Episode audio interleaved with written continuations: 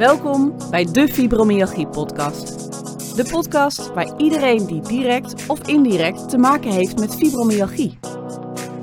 Dit is de plek waar jij ontdekt hoe je een leuk, gezond, positief en vooral zinvol leven kunt leiden als je te maken krijgt met deze diagnose. Ik ben Eline Koenjer en ik ben ervaringsdeskundige. Ik maak deze podcast namens de patiëntenvereniging VES. Dat is de afkorting voor fibromyalgie en samenleving. In deze podcast ga ik in gesprek met verschillende experts op het gebied van deze onzichtbare aandoening. En ik neem je graag mee op mijn zoektocht naar tips, trucs en ideeën om jou te informeren, maar vooral ook om je te inspireren. Ik wens je dus heel veel luisterplezier.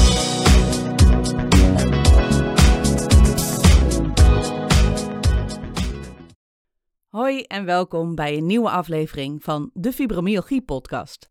We hebben een tijdje geen opnames gemaakt door verschillende omstandigheden, maar we zijn er weer en pakken de draad weer op. In deze aflevering heb ik het met psycholoog Frits Winter over perfectionisme en wat het verband is met fibromyalgie. Want het lijkt erop dat veel mensen met deze aandoening ook last hebben van perfectionisme. We hebben het erover wat het effect ervan is op je klachten. En natuurlijk praten we over wat je eraan kunt doen. Neem nu maar even een lekker momentje voor jezelf, ontspan en veel luisterplezier. Ja, goeie, ja, goedemiddag. Want dit is, ja, het is bij mij nog ochtend, maar welkom allemaal weer. Ja. welkom allemaal weer bij een nieuwe aflevering uh, van de Fibromyalgie podcast. En deze keer heb ik de gast uh, Frits Winter. En we gaan het samen hebben over uh, de combinatie van perfectionisme en fibromyalgie. Dus uh, we gaan het hebben algemeen over perfectionisme, maar het lijkt heel vaak voor te komen bij mensen met fibromyalgie. Wat is nou dat verband? Um, en wanneer wordt het problematisch en wat kunnen we eraan doen? Dat is eigenlijk in het kort waar we het over gaan hebben. Um, Frits, zou ik jou eerst graag het woord willen geven. Uh, zou je jezelf willen voorstellen, wat meer over jezelf willen vertellen? Prima. Nou, het is zo dus dat ik al jaren, jaren, jaren met de fibromyalgievereniging voldoen heb. Toen zaten ze nog een oude Pekela in het allereerste begin. Mm -hmm. Maar gelukkig zijn ze inmiddels uh, heel professioneel geworden en een enorme steun voor mensen met fibromyalgie. In de zin van herkenbaarheid, serieus genomen, belangenbehartiging. Uh, een blad, dus dat is goud waard.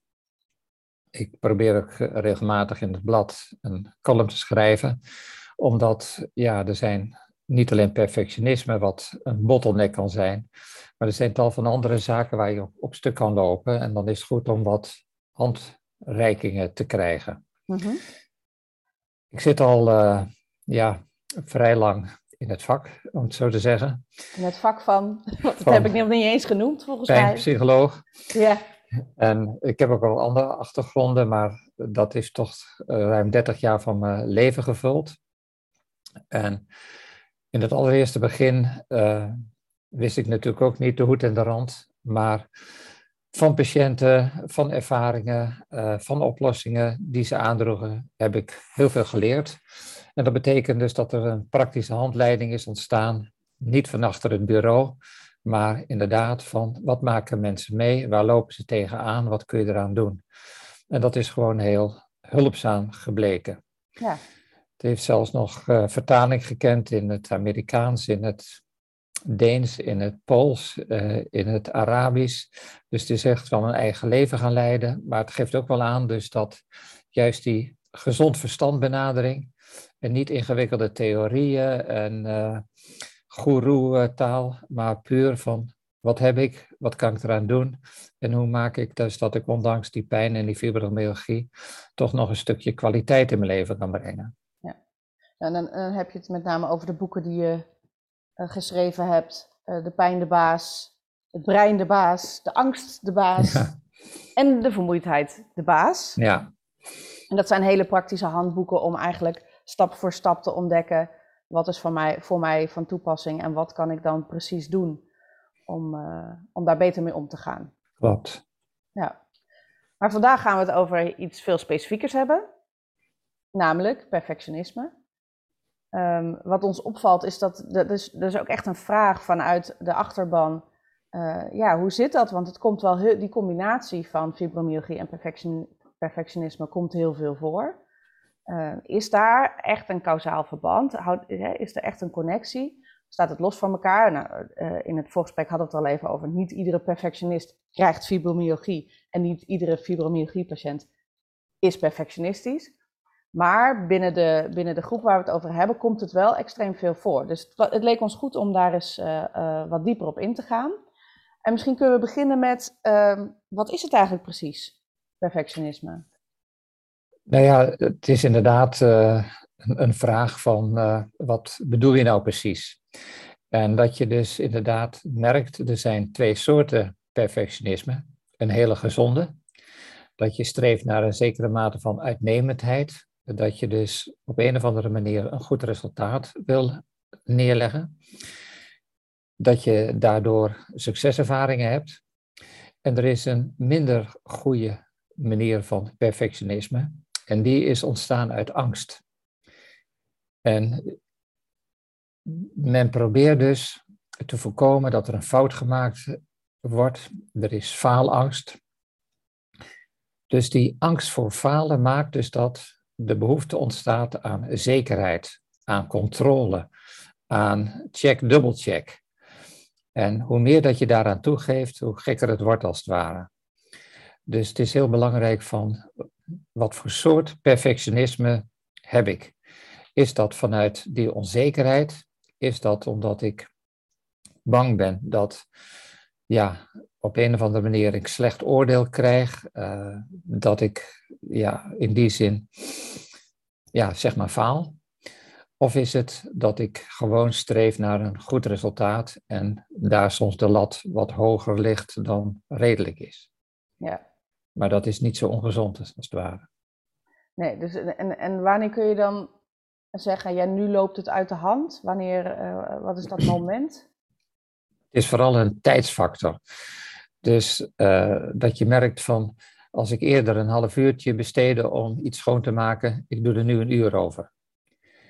En dat kan wel eens anderhalf uur worden als ik dus steeds denk van nou daar zat nog een vlekje en daar was het nog niet helemaal goed en uh, dat kan niet, dat mag niet, dat, dat moet niet. En ik heb pas rust als dat helemaal tadeloos is, helemaal vlekkeloos is. En dan koop je eigenlijk je rust door een steeds hogere prestatie te leveren. Maar op een of andere manier werkt dat op de duur averechts. Dan wordt het een obsessie. En ja, uit de hand is het gelopen als er een poetsdwang ontstaat of als er uh, ja, een grote angst bestaat voor infecties, uh, smetvrees, noem het maar op. En ook een, een angst van uh, het is niet goed genoeg, dus ik doe het nog weer over of ik doe het, dus steek er nog meer tijd in. Dat is dus belangrijk, dus dat je inderdaad merkt van wat gebeurt hier? Welke kant gaat het op? En hoe voorkom ik dat ik steeds meer daar tijd voor uit ga trekken om een steeds hoger resultaat te bereiken? En dan wordt het ja, beangstigend. Ja. ja, want ik hoor je nu eigenlijk zeggen dat het zich kan ontwikkelen tot een stoornis. Mm als ik kijk naar mijn eigen ervaringen, ik, ik, ik heb zeker de neiging om de lat te hoog te leggen. Mm en ik ben ook door, uh, uh, ik was altijd heel goed in mijn werk wat ik, wat ik mhm. deed. Ik vond het ook altijd heel leuk en ik wilde ook dat heel graag goed doen. En zoveel mogelijk, in zo'n kort mogelijke tijd doen. Um, en dan, en dat merk ik nu ook wel, ik ben daar natuurlijk wel, ik, ik, ik heb daar van alles aan gedaan, omdat het zoveel van me vergde, omdat het zoveel energie kostte. Um, en dat hield ik niet meer vol. Dan was het resultaat niet zozeer uh, perfect, want het resultaat was eigenlijk nooit helemaal naar tevredenheid. Dus ook al leg je de lat hoog en leg je een, een keurig resultaat neer, het gevoel van binnen is altijd, het had nog beter gekund. Hmm. Hoe, hoe gevaarlijk is dat? Hoe, hoe uh, ja, kan dat leiden tot bijvoorbeeld een burn-out? Is dat een onderdeel daarvan? Kijk, het klinkt een beetje uh, niet prettig als ik zeg van het is eigenlijk neurotisch in die zin. Het perfectste is per definitie onbereikbaar. Mm Dus het is net wat je zegt, het kan altijd beter. En het is belangrijk op een gegeven moment, wanneer is goed goed genoeg? is een 7 goed genoeg? Moet het een 8 zijn? Moet het een 9 zijn? Maar elk stapje dat je maakt kost onevenredig veel meer tijd en gemoedsrust. Mhm. Dus het is heel belangrijk dat je van tevoren definieert van hoeveel tijd wil ik er vooruit trekken. En dat is eigenlijk de belangrijkste uh, remedie tegen perfectionisme, dat je minder tijd uittrekt voor dingen. Want de perfectionist die denkt altijd, ik steek er nog wat meer tijd in, ik controleer het nog een keer, kan het nog weer beter.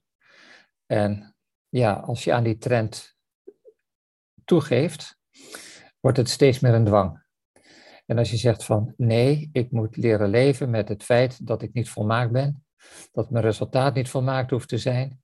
Uh, een 6 is misschien voor mij een beetje te weinig, maar een 7 is al oké. Een 8 is prima. En een 9 is onevenredig veel goed. En een 10 is onhaalbaar, dus daar streef ik ook niet naar. Mm En kan het ook zitten in, in de hoeveelheid werk? Dus niet eens per se dat alles wat je doet en zo hoog mogelijk, maar dat, dat je zoveel mogelijk wil doen, omdat je ja, gewoon vindt dat het allemaal maar moet kunnen? Ja, ik denk dus dat uh, dat natuurlijk ook uh, een rol speelt, dat er altijd iets bij komt zonder dat er iets afkomt. Ja. En dat geeft op een gegeven moment een enorme druk. En vroeg of laat knap je daarop af. Dus uh, het is heel belangrijk om niet te zeggen van wat wil ik doen en wat moet ik doen, maar wat is haalbaar en wat is redelijk. Ja. En dat helder definiëren. En als je zegt van ik wil alles af hebben en ik wil alles doen en ik wil alles goed af hebben, dan merk je dus dat er, je kunt veel af hebben, je kunt veel goed doen, maar je kunt niet alles goed doen. Nee, nee precies. Ja. Um, ik las ook een, een artikeltje inderdaad, uh, uh, perfectionist tot in de kist. Mm je zou kunnen denken, oké, dus je wordt ermee geboren en je gaat ermee dood. Is het, is het echt een persoonskenmerk of hoe, uh, hoe moet ik dat zien? Oh, het is gelukkig zo dat niemand als perfectionist geboren wordt. Nee. Kinderen zijn allemaal notoire rotzooimakers. Oh, daar dus... heb ik altijd van gemerkt bij mijn kinderen. nee, dat denk ik ook niet. dus je merkt van op een of andere manier is dat er ingeslopen. Ja. En wat er ingeslopen is, dat kun je er ook wel weer een beetje uitsluizen. Dus het is heel belangrijk om te weten van, oké, op een of andere manier is het me overkomen. Op een of andere manier ben ik steeds hogere eisen aan mezelf gaan stellen. En heeft de omgeving soms gebruik en misbruik van gemaakt. En vervolgens ben ik daarin knel geraakt. Dus het is heel belangrijk om te zeggen, mijn systeem, mijn lichaam geeft aan, genoeg is genoeg. Als je meer eet voortdurend dan je lust, word je ook ziek. Mhm. Als je meer doet dan je kunt, word je ziek. Dus dan is het heel belangrijk om terug te schakelen. En ja, beter op tijd dan te laat. En meestal gaan mensen pas terugschakelen als het echt, echt, echt niet meer kan. En ja, dan is ook het herstelproces duurt langer. Ja. Is het belangrijk om te weten waar de oorzaak ligt van dat perfectionisme? Nou, ik zeg altijd bij dit soort klachten, uh, wel ik het ook zei, het is interessanter om te weten hoe je er vanaf komt dan hoe je er, van, hoe je eraan komt. Ja. En uh, het is heel goed dat je weet van de oorzaak helpt mij niet. Alleen de oplossing helpt mij. En het zoeken naar oorzaken, ja, is speculatie. En dan wordt het daardoor vaak hele verkeerde verbanden gelegd. Mhm. En daarom is het belangrijk van wat helpt bij mij? En als iemand zegt van nou moest luisteren, ik ben perfectionist. Maar als mijn partner nou zegt van uh, moest luisteren, stop, stop, stop. En ik luister daarna of ik vind dat oké is dat, dat ik daarin gecorrigeerd word. Dan lukt het, omdat die dwang is vaak sterker dan je zelf bent. Dus dan heb je soms een externe prikkel nodig die je tegen jezelf in bescherming neemt. En dat kan een hulplijn zijn. Dat, kan, een hulplijn zijn. Want ja. we hebben het allemaal nodig, dus dat we ook door de omgeving een beetje op het rechte pad gehouden worden. maar perfectionist denkt vaak dat hij het alleen kan, hè? En, uh... Nou ja, en hij vindt het, of zij vindt het vaak geen slechte eigenschap. En uh, dan heb je een situatie dat iemand helemaal kapot op de bank legt En zegt, ik heb dit gedaan, ik heb dat gedaan, ik heb dat gedaan. En dan zegt die ander, ik had liever gehad dat je geen pest gedaan had en het goed te pas was geweest. Ja.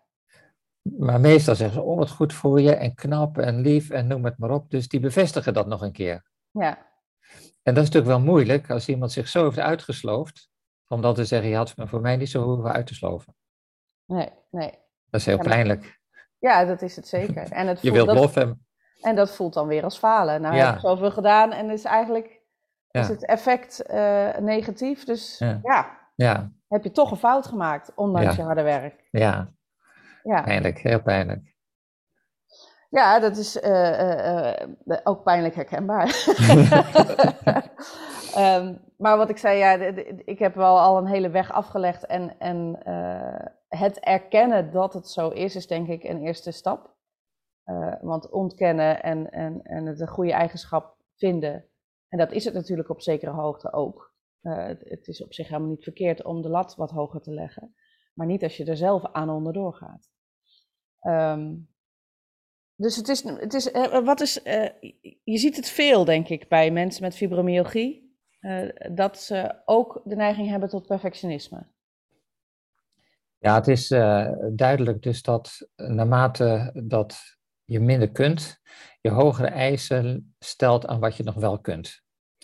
En eh, ook daar zit weer die onzekerheid onder van hoe dan ook wil ik me bewijzen en wil ik mijn visitekaartje neerleggen. En eh, dat heb je voor jezelf nodig, maar vaak vindt een ander dat veel minder belangrijk. Mhm. En daar is goede communicatie, goede feedback, is daar best heel belangrijk bij. Dat je het idee krijgt en het bewijs krijgt en de overtuiging krijgt, ik hoef me niet te bewijzen. Hoe, hoe Ik hoef niet te presteren. Nou, dat is inderdaad dat je merkt van wat is nou echt belangrijk eh, in je leven. En dat is niet dat je allerlei geweldige prestaties neerlevert, maar dat je humor hebt, dat je warmte hebt, dat je interesse hebt. eh, dat is veel waardevoller. Maar als je natuurlijk helemaal stuk eh, bent, dan heb je daar geen zin en geen tijd meer in. Dan ben je nog zagrijnig ook. Mhm. dus, Of je eh, wordt zelfs depressief, ja. Oh ja. Dus het is heel belangrijk dus dat je zegt van, oké, die innerlijke dwang die iedereen heeft om te presteren, om zich te bewijzen, daar zit een schaduwkant aan. Want voor wie doe je het eigenlijk? En vaak doe je het voor jezelf. Heb je het zelf nodig, maar die ander hoeft helemaal niet, eh, daar hoef je vaak helemaal niet zo voor te presteren of het te bewijzen. En is dat dan, Integendeel. er rijst dan een vraag naar, eh, denk je dat, is, het dan, is dat dan wel in je gedachten dat je het voor een ander zou moeten doen? Ja, ik, je wilt het goed doen in de ogen van die ander. En in je eigen ogen. Maar op een of andere manier ben je dus afhankelijk, niet van wat je zelf wilt en wat voor jou haalbaar is en wat je behoeften zijn, maar je vult het in voor die ander. En dan denk je van, ik krijg bewondering, ik krijg respect, ik krijg applaus als ik een goed resultaat neerleg. Mhm. Dat is maar heel beperkt het geval. Hoe meer je presteert, het meest slimme jongetje van de klas is niet altijd het meest populaire. Nee. En toch streeft iedereen erna naar bezit, naar prestige, naar kennis, naar noem het maar op. Terwijl dat in intermenselijke relaties helemaal geen band geeft, eerder afgunst.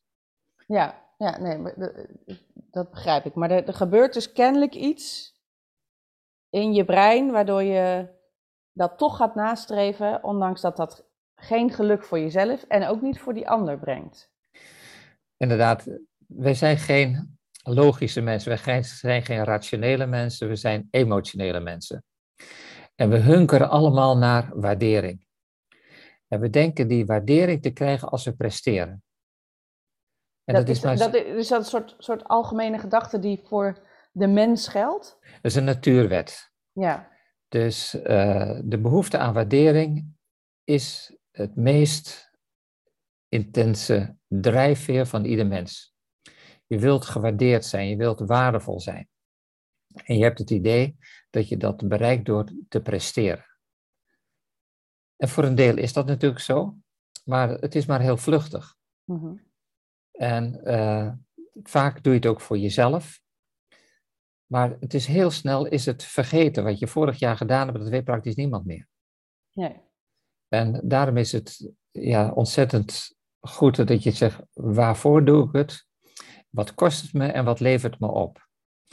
Nu is het zo, om een 8 te halen, dat kost je iets. Maar om daar een 10 van te maken, dat kost je onevenredig veel meer. Dus om die reden is het heel belangrijk dat je zegt, als ik energie wil overhouden, dan moet ik mijn doelstellingen realistischer maken. En dan moet ik inderdaad zeggen van, genoeg is genoeg. Als ik er zoveel tijd in steek, als ik een resultaat haal voor een 7 of voor een 6, en ik kan die tijd die ik over heb in mensen investeren, in relaties investeren, dan doe ik het verstandig. Ja, precies. Maar het vraagt een andere mindset dan degene die we van nature hebben. Ja, dus daar moet je eigenlijk tegen in. Dat, kost, Mm. dat, dat, dat is niet zomaar eh, van de een op de andere dag eh, even geregeld, lijkt me Absoluut zo. niet. Nee hoor. En wat ik, wat ik me afvroeg, ehm, ik weet niet of er onderzoek naar gedaan is of dat, er, eh, eh, of dat het bekend is dat op het moment dat je dus onevenredig veel energie stopt in resultaat, ehm, dat dat kan leiden tot eh, chronische pijn en vermoeidheid. En andersom, op het moment dat je die eigenschappen hebt en je hebt al fibromyalgie ontwikkeld, wat voor invloed heeft het dan op je klachten? Nou, het is inderdaad zo dus dat eh, het voor een deel je herstel in de weg staat, omdat je ja, meer uitgeeft dan je binnenkrijgt. Dus eh, het streven naar die uitnemendheid is prima, totdat het een dwang wordt. Totdat je het idee hebt van het gaat ten koste van mijn kinderen of het gaat ten koste van mijn gezin of ten koste van mijn gezondheid, maar kan het evengoed niet nalaten. Dus je hebt mensen die hebben kanker, allerlei vormen, die blijven roken. En dan zegt hij, ja, ik kan het niet nalaten, het is gewoon sterker dan ik. En dan zegt iedereen, ja, maar het is toch niet logisch? Je hebt al een slechte gezondheid en je blijft roken. Maar dan zie je dus dat, ja, emoties en gevoelens zijn vaak sterker dan verstand. En dat je dus merkt van, oké, als ik minder kan, en door die vermoeidheid en door die pijn kan ik minder, dan word ik onzeker. En in die onzekerheid wil ik hoe dan ook een goed resultaat neerleggen. Dus het wordt een dwang.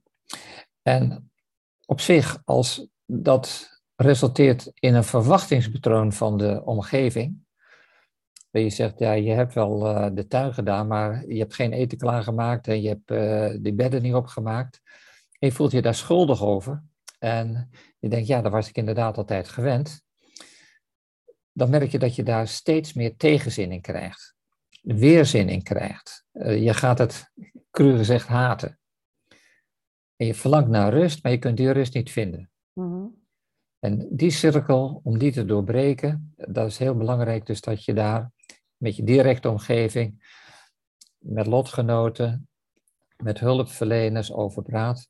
Van hoe zet ik de tering naar de nering? Ik probeer nog altijd mijn niveau van vroeger te handhaven. En mijn situatie. in ieder geval naar te verlangen. Dat Ja. ik in ieder geval wel. Ja. Ja, ja, en dat verlangen mag blijven.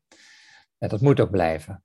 Maar dat je inderdaad zegt, dat maakt dus dat ik me voortdurend schuldig voel en schaam, omdat ik daar nog altijd naar streef, maar niet bereik, en dus elke keer een faalervaring heb, dan gaat het dubbel tegen je werken.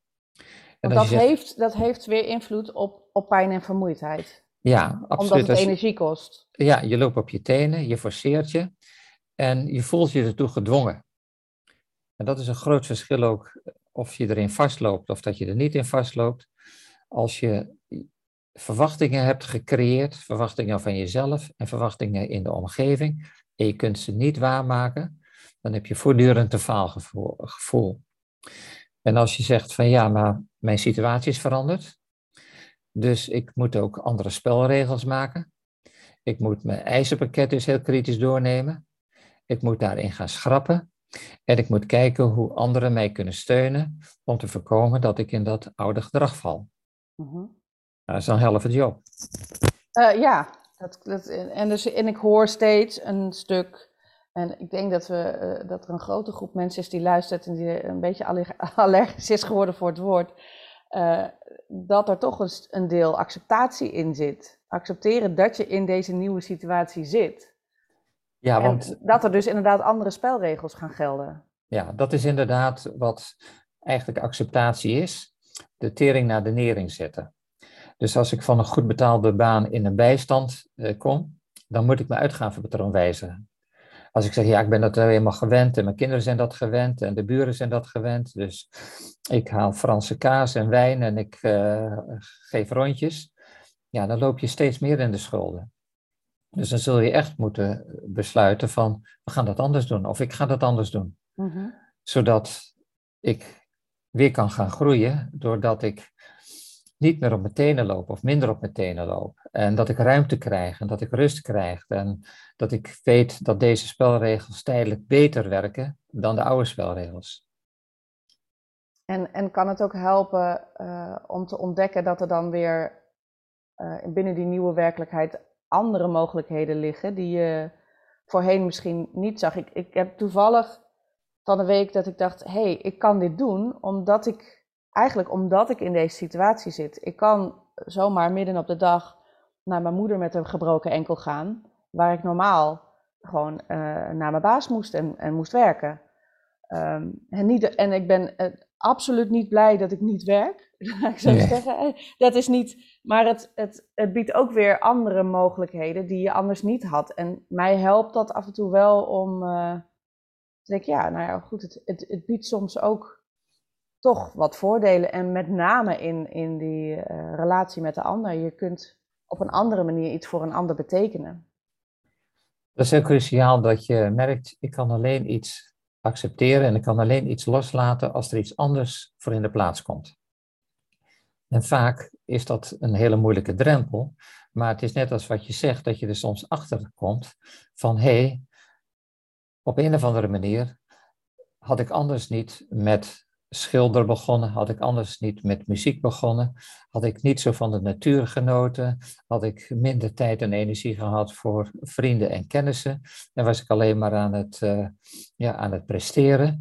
Dus op een of andere manier kan ik er nu beter mee omgaan, omdat er iets anders voor in de plaats is gekomen. Er is niet alleen maar verlies, maar er is iets nieuws wat weer energie kan geven en wat weer ja, op een of andere manier voldoening geeft. Ja, ja. En tegelijkertijd merk ik nu ook in mijn achterhoofd dat er ook een soort schuldgevoel mm.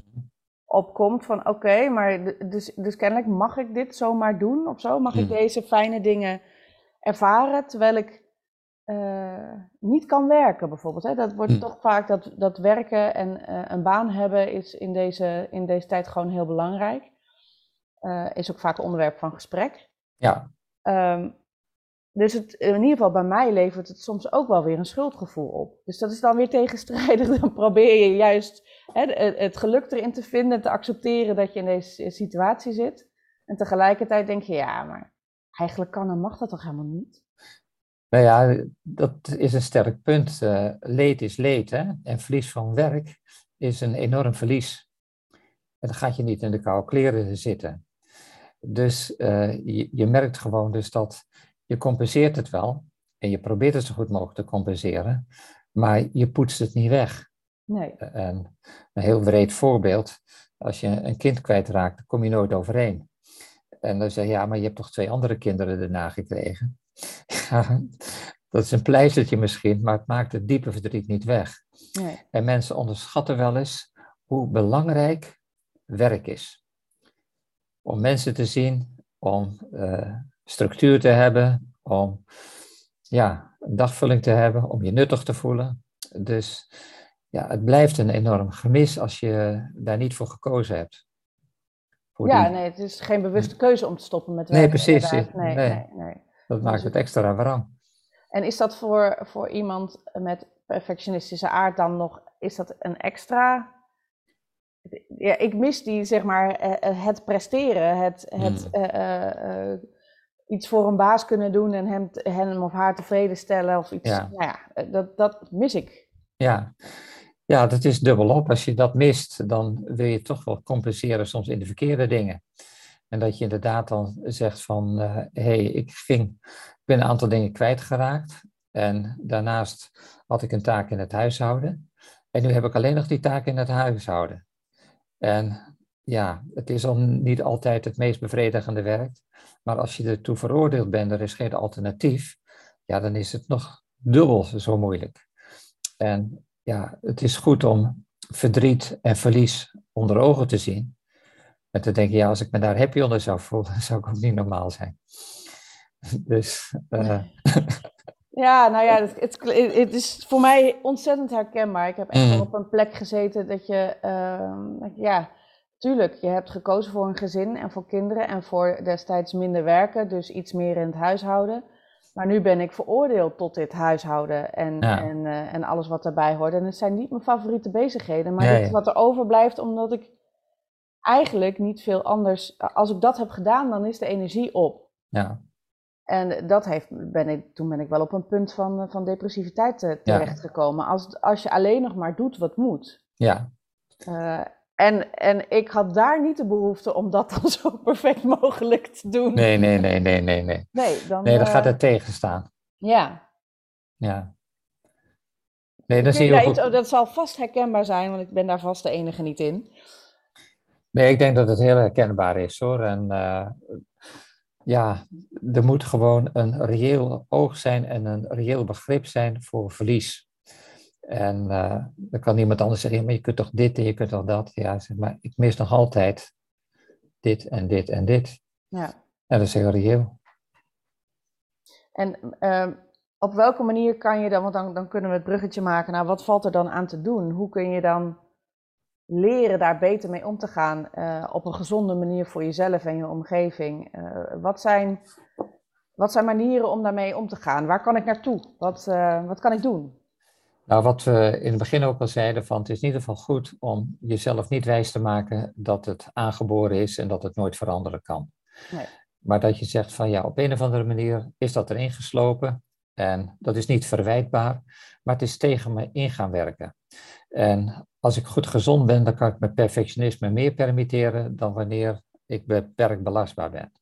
Dus dat is een heel belangrijke eerste stap. Een tweede stap is inderdaad dat je zegt, ik moet niet kijken van wat mensen verwachten en wat ik van mezelf verwacht, maar ik moet helderder definiëren wat redelijk is in mijn situatie en wat haalbaar is.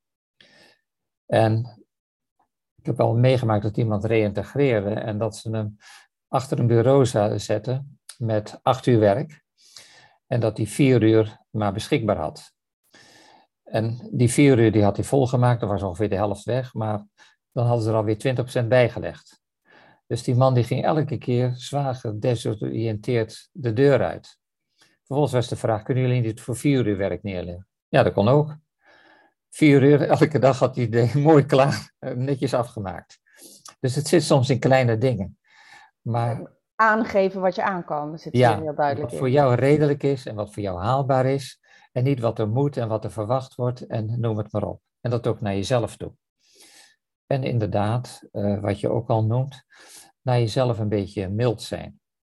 Dus dat je zegt van, ik heb er recht op, ik heb het verdiend, dat ik nu even naar mijn moeder kan gaan, dat ik even het bos in kan, dat ik wat meer tijd heb voor vriendschap. Want mijn situatie is al beroerd genoeg. Ik mis dat werk al. En als ik nou ook nog het idee heb van uh, ik mag me geen luxe permitteren of geen rust permitteren, dan heb ik mezelf dubbel te pakken. Te pakken. Dat gaat niet in één keer weg. Dat moet inderdaad langzaam maar zeker minder worden. Dat je inderdaad zegt van ja, maar moet je luisteren, als mijn dochter dit gehad had, dan zou ik zeggen, doe kalm aan en geniet ervan. Ja. Dan heb ik het zelf. Eigenlijk ieder ander dan, dan bij jezelf zou je dat... Precies, ja. ja. Dus dat is ook een uh, heel belangrijk iets. Dus dat je zegt van, oké, ik heb die dingen nodig voor mijn herstel, voor mijn gezondheid. Dus het is ook therapie. Het is mhm. niet alleen luxe. Als ik uh, overdag een uh, siesta inlas, dan is dat om s'avonds beter te pas te zijn. En dat doe ik ook weer voor mijn omgeving. Dus ik investeer in mijn gezondheid, zodat dat voor anderen ten goede komt. En nou, dat is uh, eigenlijk ook dus dat je zegt van wat je als kind gehad hebt, dat onbenullige, dat speelse, dat onverantwoordelijke, dat het af en toe wat terugkomt. Ja. Dat, je daar wat meer ruimte voor mag maken. ja, precies. En dat je merkt van, oké, wij hebben belang bij druk en spanning, maar we hebben ook behoefte aan ontspanning en lol en zorgeloosheid en vrij zijn. dit, anders... Ja, maak je zin af. Ja. Nee, en anders loop je gegarandeerd vast. Ja, ja. Dus het is ook noodzaak om uh, op een of andere manier daar ruimte voor te creëren. En dat, dit klinkt natuurlijk allemaal heel mooi en logisch, maar ik kan me ook voorstellen, en dat geldt en geldt voor mezelf ook, um, dat dat niet altijd helemaal wil met zelfhulp. Met een boek lezen of deze podcast luisteren.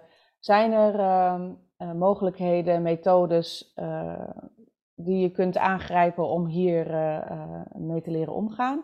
Ik heb zelf bijvoorbeeld ACT gedaan, Acceptance and Commitment Therapy. Dat is iets wat ik ook veel in het vooronderzoekje toch wel tegenkwam als het gaat om perfectionisme en, en andere persoonskenmerken waar je mee kan worstelen. Ja, ik, ik merk dat die act dat die goed werkt. Ja, dat klinkt een beetje na misschien voor hoger opgeleiden. Oké. Maar mensen eh, die aan de basis zitten, eh, die hebben veel meer behoefte aan praktische tips en niet te veel getheoretiseerd. Mm En uh, als je bij deze mensen het hebt over goede ontspanningsoefeningen en je vertelt hoeveel er zijn, dan heb je ze eerder op je lijn dan dat je het over mindfulness hebt en uh, andere dingen. Hoe goed mindfulness ook verder is, maar het is voor veel mensen niet de taal die hun aanspreekt. En dat is ook, je moet het ook aan de keukentafel met je vriendin kunnen doornemen. Mhm. Van, god, ik ben zo gespannen en ik kan me slecht ontspannen. En nu heb ik haptonomie of ik heb uh, ademhalingsoefeningen en ik val beter in slaap. En dat soort praktische tips, dat men ziet van, oké, ik merk dus dat mijn kwaliteit van leven toeneemt omdat ik een aantal eenvoudige dingen heb gerealiseerd die ik vroeger niet nodig had omdat ik goed gezond was, maar die nu zorgen dat die accu weer gevuld wordt. Ja. En wat zou dan voor uh, een ieder, uh, uh, met welk opleidingsniveau dan ook, of welke, de ene therapie sluit gewoon beter aan dan, dan de ander bij, bij verschillende mensen. Wat, is dan je eerste, wat zijn je eerste stappen die je kunt ondernemen als je denkt, ik loop vast? Nou, zelf maar, dat verschilt ook weer van persoon tot persoon. mijn overtuiging is, is dat het gaat uiteindelijk om gedragsverandering. En als je je gedrag verandert, dan verander je je gevoel. Het gevoel volgt altijd het gedrag. Dus als je de hele dag in bed ligt, word je dood en doodmoe. Als je aan fitness doet en wandelen en uh, noem het maar op, dan merk je dat je daardoor fit wordt. Mhm. Dat word je niet door boeken lezen of door therapieën te volgen, maar door gedragsverandering. Als je zegt, eerder had ik alleen maar ja-spieren, ik heb nu ook nee-spieren. Ik heb mijn gedrag veranderd daarin. Ik ben assertiever geworden. En doordat ik assertiever ben geworden, duidelijker ben geworden, mijn wensen en verlangens duidelijker kenbaar heb gemaakt, heb ik veel meer zelfvertrouwen gekregen. En dat is dus belangrijk, dus dat je dus eigenlijk definieert, hoe wil ik me voelen? En welk gedrag vraagt dat? En als ik me als asterpoester ga gedragen, ga ik me als asterpoester voelen. En als ik een precessie ga gedragen, ga ik me als een precessie voelen. Nou, hoe wil ik me voelen? Uh ja, ik ben geen prinsesje, ik hoor achter in de rij en ik ga niet op de voorgrond staan. Oké, dan blijf je alsjeblieft. Dus dat is best belangrijk. Dus dat ik vind, gedragsverandering is voor ieder mens belangrijk. Als je fibromyalgie hebt, noodzakelijk. Ja. Het moet speelser, het moet ongedwongener. Maar, maar mijn vraag is eigenlijk ook, op welke stel dat je het gevoel hebt, ik kan dit niet alleen. Ja ik, heb je toch echt hulp bij nodig? Wat is dan je uh, lijn? Ga je dan eerst naar de huisarts uh, en, ga je met hem bespreken? Nou, wat zouden mijn stappen kunnen zijn?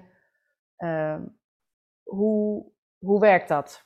Nou, ik denk dat inderdaad de huisarts eh, heel belangrijk is. Vooral omdat je op de hoogte moet zijn dat je dus het niet redt en dat je dus daarin vastloopt. Of dat je in ieder geval hulp in nodig hebt, dat die klachten serieus genomen worden. En dat je dan voor jezelf helder hebt van, ja moest luisteren, ik zit zo in dat oude gedrag vast. Ik heb er hulp bij nodig, ik heb er tips bij nodig, ik heb er begeleiding bij nodig. Uh Ken je iemand die ja, als psycholoog of als fysiotherapeut, dat is, is vaak ook een goede ingang, die me kan begeleiden om te zorgen dus dat ik mijn leefpatroon wijzig, zodat het evenwichtiger is, zodat het recht doet aan mijn klachten. En als je goede huisarts hebt, dan weet hij dat. En anders een artsondersteuner of wat dan ook. Mhm. Want ja, het is in elke plaats ook weer anders. En je kunt altijd bij de site van gedragstherapie kijken van waar zitten goede gedragstherapeuten, psychologen, die in ieder geval heel concreet me bij de hand kunnen nemen en als een soort coach samen op pad gaan om uiteindelijk ja, een stuk lucht te krijgen. Ja. Want dat is wel, dat is ook wel mijn ervaring. Eh, eh, het bos is behoorlijk groot waar je doorheen eh, kunt lopen om te kijken hè, welke boom kan mij hulp bieden. Ja.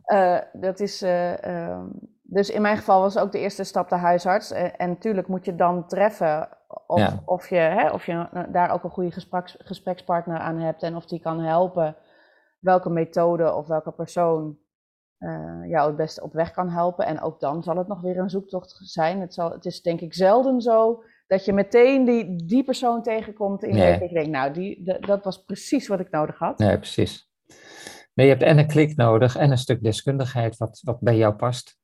Ja, en het is niet, dus niet erg om daar nog even naar verder te zoeken. Dat nee, precies. Je, je, huisarts is, is je eerste lijn, denk ik, is de eerste persoon waar je naartoe gaat. Ja. Maar als je het gevoel hebt, ik kom hier, dan kan je hem of haar altijd vragen van, goh, wat is mijn volgende stap? Ja, klopt. En is dat dan een praktijkondersteuner of... Ja. Uh, dat, dat, dat kan verschillen. Je kan ook rechtstreeks inderdaad... Uh, ja, en misschien is je fysiotherapeut... Ik heb ook inderdaad wel eens een fysiotherapeut gehad die tijdens de behandeling continu gesprekken met mij aanging. Dat ik wel eens dacht, nou man, laat me toch eens ontspannen en hou je mond eens. Maar tegelijkertijd was altijd na, die, na de behandeling dat ik dacht, oh wacht even, ja. is wel weer een kwartje gevallen. Ja, precies. Ja. Maar ja, die moet je ook weer treffen. Ja, die moet je treffen. Ja. ja, Kunnen we nog een soort um, slotsom... Uh, kun je, er een, kun, je, kun je er een mooi eind aan breien waar de luisteraar ook echt iets aan heeft? Nou, je kan het proberen in ieder geval. En dat uh, onder perfectionisme, onder het foute perfectionisme, zit een stuk onzekerheid. En we willen allemaal zekerheid hebben. En dat is ook weer zo'n gekke wetmatigheid. Hoe meer je voor zeker gaat en voor controle, hoe onzekerder je wordt. Hoe meer risico's je neemt, hoe meer lef je krijgt. Maar als je al onzeker bent, dan wil je zeker weten dat je het goed doet. Dus je krijgt steeds gevoeliger voor onzekerheid. En je wilt alle onzekerheid wegwissen. En dat maakt dat je check, dubbelcheck doet, dat je alles onder controle wil hebben en dat je het zeker wil weten. En dat je zegt van ja, maar dat is erin geslopen. Een kind hoeft ook niet alles zeker te weten. En die gokt ook en die rommelt ook maar wat. En het meeste bereiken we met trial and error. Ik probeer dit eens en ik probeer dat eens en dan weet ik, dan weet ik iets. Maar mensen die faalangst hebben, die experimenteren ook te weinig. Want ze denken, ja, dit zal ook wel niet goed zijn en dat zal ik... wil zeker weten dat wat ik nu doe goed is. Nou, dat zei je al met die therapeuten zoeken en eh, dingen. Je moet experimenteren, je moet risico's nemen, je moet dingen uitproberen. En dan merk je, hoe meer je risico's neemt, hoe meer dus dat je onzekerheid toelaat, des te meer lef dat je krijgt, des te meer rust dat je krijgt. En dat je ook tot de conclusie komt van, ik dacht altijd dat het verschrikkelijk zou zijn als ik een fout maak, maar niemand ligt daar wakker van, behalve ik. Ja, en, en je blijkt er ook nog iets van te kunnen leren. Precies. Ja. En ik moet streven naar de juiste perfectionisme, wat haalbaar is. Ik moet kijken wanneer is voor mij een 7, wanneer is voor mij een 8. En dat geeft mij dat ik greep heb op mijn leven en dat ik redelijke verwachtingen heb en dat ik ook daardoor minder teleurstellingen heb. Dat is eigenlijk de kern. Ja, nou, prachtig samengevat zou ik zeggen. Mensen hoeven alleen dit eindstukje nog. Nee, volgens mij was het uh, uh, zeker een informatief gesprek. Dat het, en, en, het zal heel veel herkenbaarheid opleveren, voor mij in ieder geval wel. Uh, en, en, meestal denk ik, als het, als het ergens bij mij landt, dan zal het bij de luisteraar, ook bij een grote groep van de luisteraar, ook wel landen. Ja. Um, ik wil je heel hartelijk danken Ehm, dat je mee wilde doen aan deze aflevering. Graag gedaan. En ik kan me zomaar voorstellen dat dit niet de laatste aflevering met Frits Winter is. Want volgens mij zit er, uh, zit er nog heel veel kennis en expertise waar de luisteraar heel veel aan zou kunnen hebben. Um, gedaan. Dus die uitnodiging staat. En uh, ik hoor graag uh, of je hem nogmaals wil aannemen bij een volgend Prima. onderwerp. nogmaals bedankt. En luisteraars heel graag tot de volgende keer. Een ontspannen gesprek over perfectionisme. Is dat mogelijk? Nou, ik ben eigenlijk zelf best tevreden. Dikke voldoende zou ik zo zeggen. En dat is goed genoeg. Ik hoop wel dat jij het ook een voldoende vond en dat je wat hebt aan de informatie over deze hardnekkige eigenschap. Die eigenlijk best heel positief is als het niet uit de hand loopt. Bewust worden, lief zijn voor jezelf en zoals Frits zei, de tering naar de nering zetten. Bedankt voor het luisteren en heel graag tot de volgende.